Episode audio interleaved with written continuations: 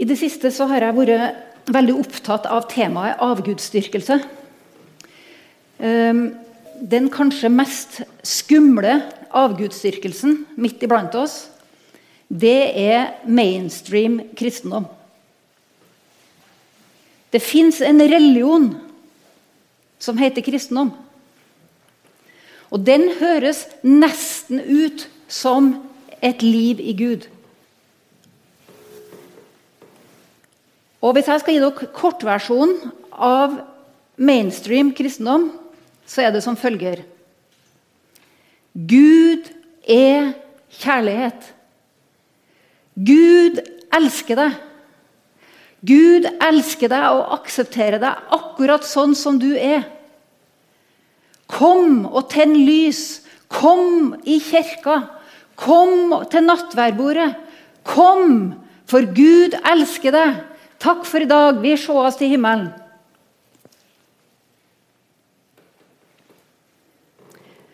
Dette høres ut, for veldig mange kristne, ut som sann og ekte kristendom.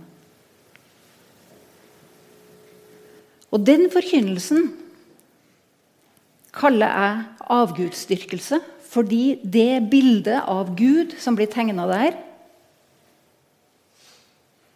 ikke er det bibelske bildet. Og det bildet av mennesket som blir tegna der, er ikke det bibelske bildet. For i Bibelen så er det to begrep som alltid følges ad. Og det er død og liv. Død og liv. Og i mennesket så er det dødskrefter og livskrefter.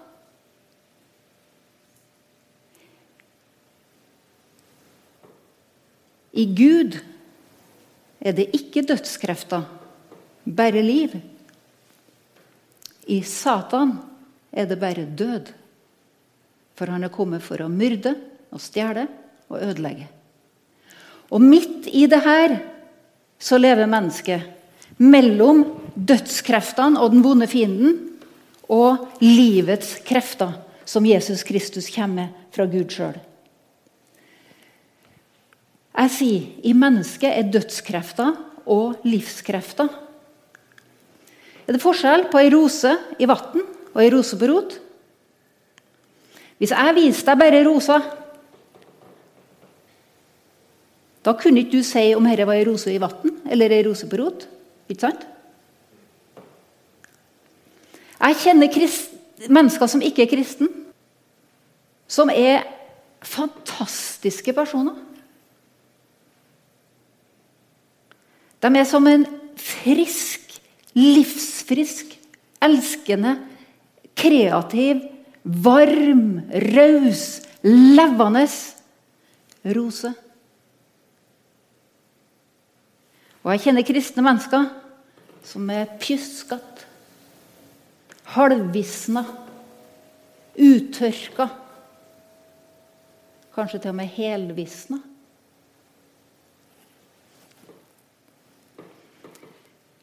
Rosa i vann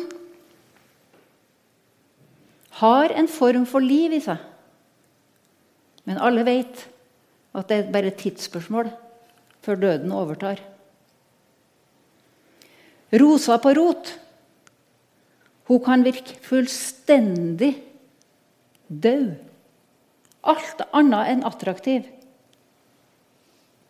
Ja, Hun kan faktisk være så død at det eneste som er mulig for å få til å overleve, det er å ta saksa og klippe helt ned.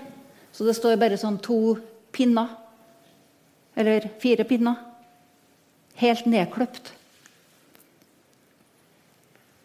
Men rosa i vann kan vi lett bli dratt av hvis vi ikke husker at det er bare et tidsspørsmål.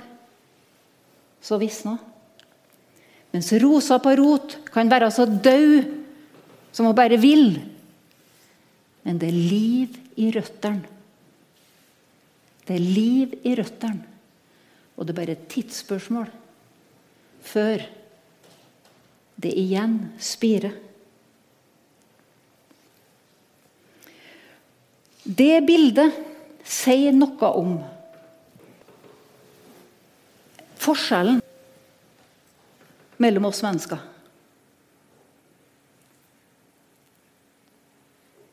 Det fins ingenting midt imellom. Enten har du røtter. De kan være grunn, de kan være djup.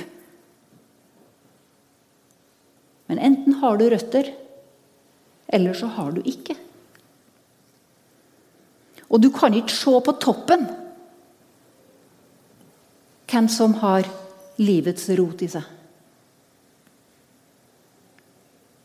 Ikke uten videre, iallfall. Og rosa i vann, den har alltid en gang vært ei rose på rot.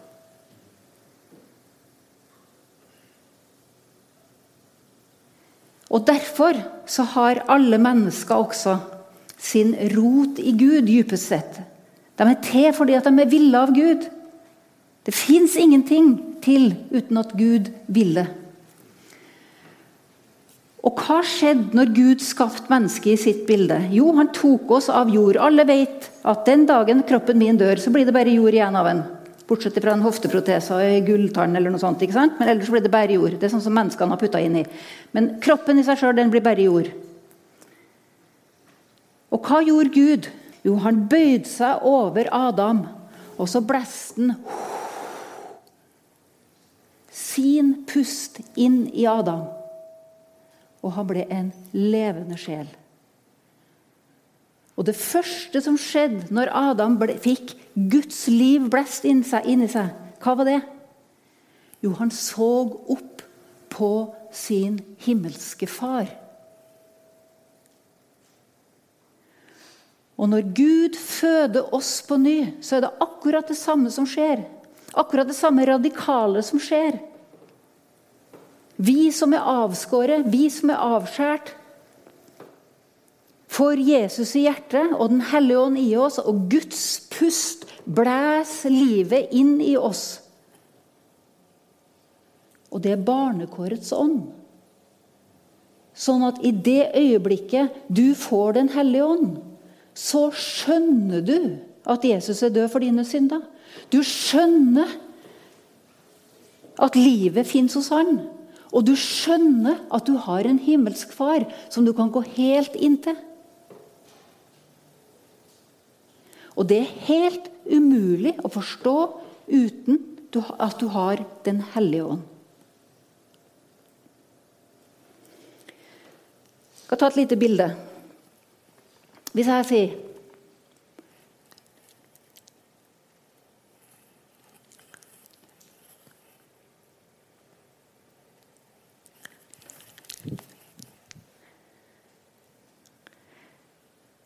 Er det noen som aner hva jeg sier? Jeg tror det er noen av dere som kanskje aner hva jeg sier. De fleste ser litt sånn undrende ut. Hvorfor? Jo, for jeg taler et Guds ord men jeg bruker ikke pusten. For at det skal bli tydelig, for at du skal høre at dette her er ord, så er jeg nødt til å ha pust. Og har jeg bare litt pust, så blir det sånn. Og har jeg mer pust, så blir det sånn. Og har jeg veldig mye pust, så blir det sånn. Og det jeg ropte ut til dere, det er at du er dyrebar i Herrens øyne. Men for at det skal bli tydelig, for at du skal skjønne at det handler om deg, så må Den hellige ånds pust fra Guds munn gi liv til dette ordet. Og Derfor så blir jeg så lei meg når kristne mennesker tror de kan lese Guds hellige ord uten Den hellige ånd. Og hvis det er enda verre, de tror de kan forkynne Guds hellige ord uten Den hellige ånd.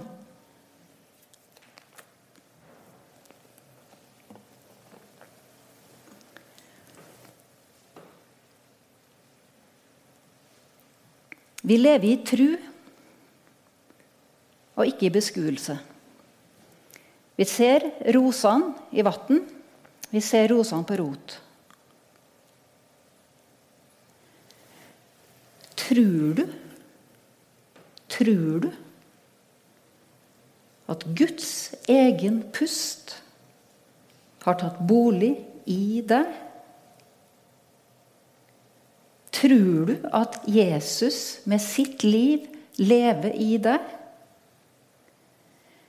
Tror du at du har noen røtter som har strekt seg ned i Han som er livets kilde, som du bare kan suge ifra?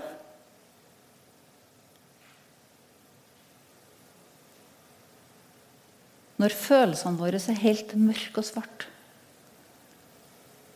Når vi er helt utarma av sorg og smerte, så kommer noen ganger Gud, vingårdsmannen, og klipper ned de visne rosene. Og det kjennes som å dø. Og det kan se ut som å dø.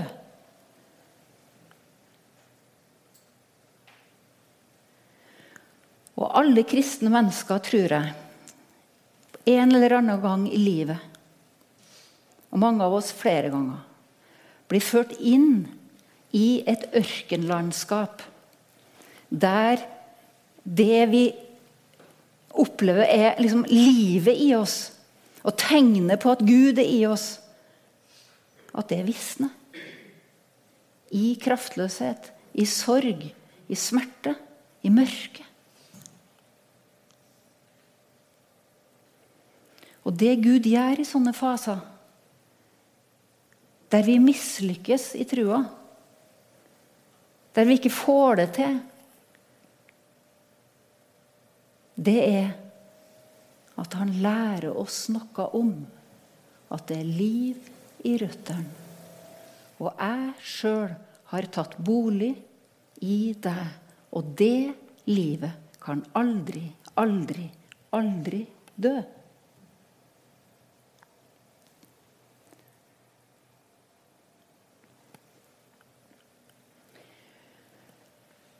For noen år tilbake så var jeg gjennom en veldig krevende fase. Der jeg førte den mannen jeg elska, til grava.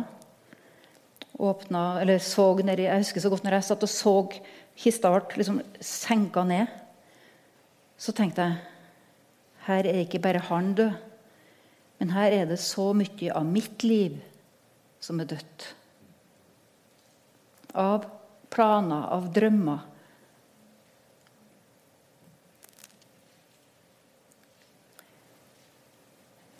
En stund etterpå så mista jeg det meste jeg eide i brann. Um, og en stund etterpå så ble jeg ført inn i en uh, um, uh, konfliktfylt uh, situasjon på arbeidsplassen som jeg aldri hadde opplevd før. Og Sorg er sorg. Tap er tap. Men når du på en måte mister eh, ditt gode navn og rykte, når du mister andre mennesker sin anerkjennelse, når du mister eh, det som er så viktig for mange av oss sitt sjølbilde, nemlig at vi er et rimelig hyggelig menneske eh, Da greide jeg ikke å stå imot mørkekreftene. Og Folk ba for meg, og de sa, kom med oppmuntrende løfter. Og jeg tenker noen ganger hva skal du med fiender når du har gode venner som sender deg bibelord? Jeg ble kvalt av alle disse bibelordene om hvor god Gud var og hva han skulle gjøre. For jo mer jeg ba, jo mørkere ble det. Og jeg husker at trua mi ble mer og mer tynnslitt. Og jeg greide ikke å holde fast på at han virkelig var der. Fordi at det var ingenting i min erfaring som tilsier at han var der. Og Jeg husker jeg følte meg som en sånn edderkopp som hang i en edderkopptråd. Og jeg sier, 'Gud, du må bare holde meg fast.' Kjære Gud, du må holde meg fast. Jeg har ingen andre enn deg, Jesus. Hold trua mi fast. Be for meg at trua mi ikke skal svikte. Og plutselig en dag så kjenner jeg at edderkopptråden slipper. Jeg som har vokst opp i en kristen heim. Jeg som alltid har hatt den trygge overbygninga, at Gud er der. Og det er et mål, og det er en himmel, og det er noe sånn Og ikke med min beste vilje var jeg i stand til å tro dette her. Og kjære Gud, jeg har for Nei, det sa jeg ikke, for jeg trodde ikke på han. Men jeg hadde forkynneroppdrag, og jeg måtte ringe rundt og si jeg kan ikke tale, for jeg har ikke indre dekning for det lenger. Og Da møtte jeg mange kloke kristne som skjønte at de sto på hellig grunn. Når mennesker er så prøvd og så kjørt at de ikke klarer å holde fast på at det er et liv rundt dem og et liv i dem som holder dem opp, men bare styrte ut i mørket. Da er vi på hellig grunn. For da er menneskene under Guds vinger. Og der er det bekmørkt.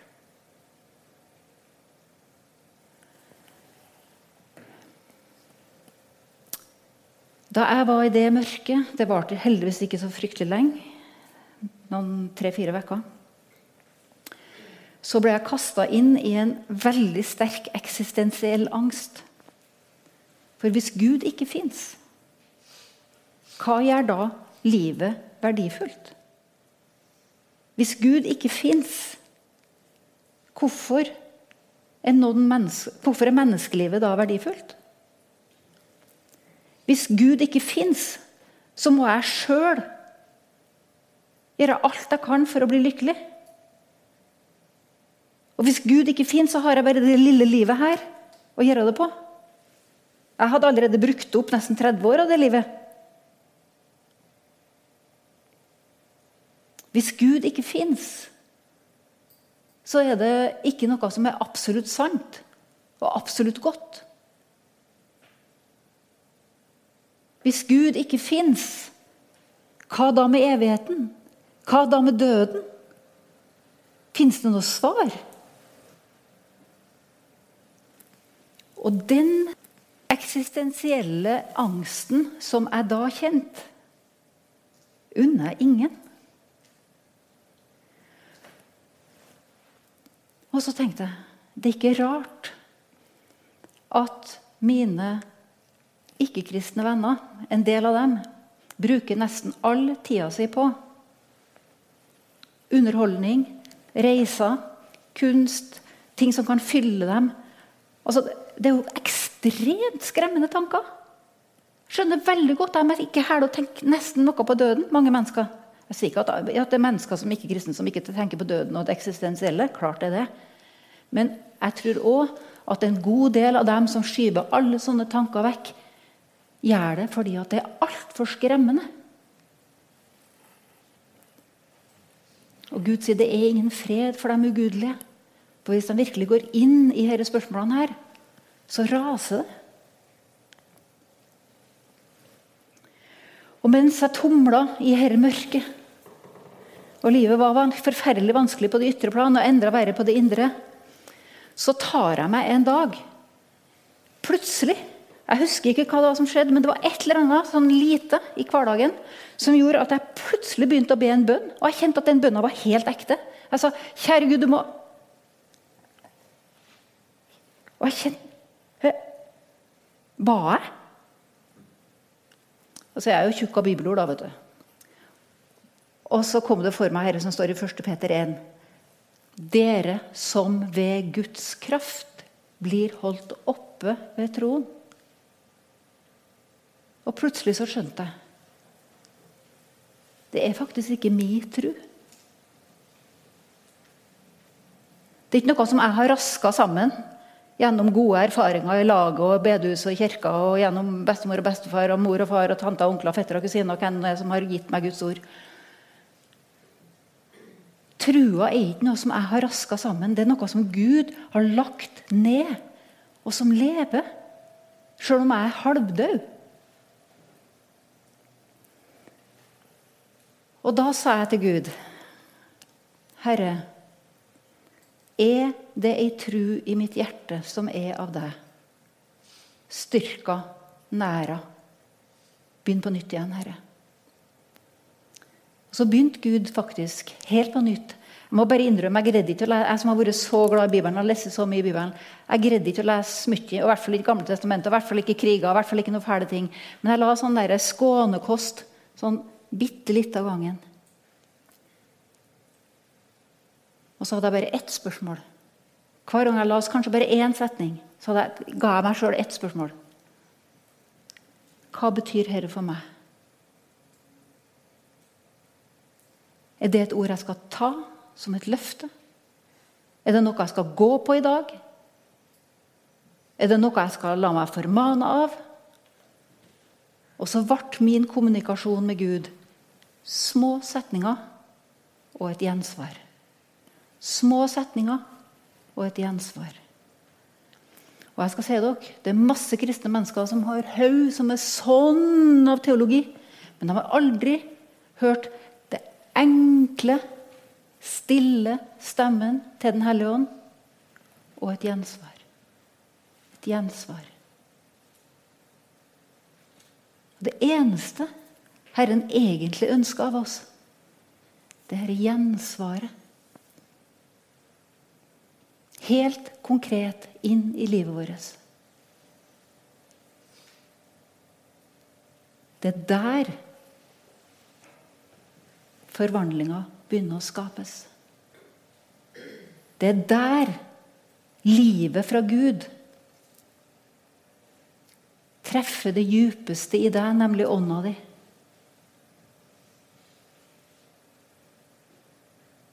Gud har alltid skapt gjennom ordet sitt. Og det er det han fortsetter med.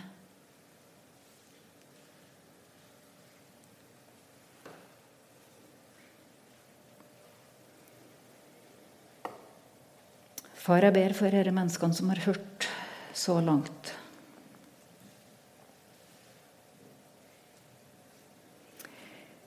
Vil du stille deg foran hver enkelt Jesus og la dem skjønne hvor du stopper i livet deres akkurat i kveld?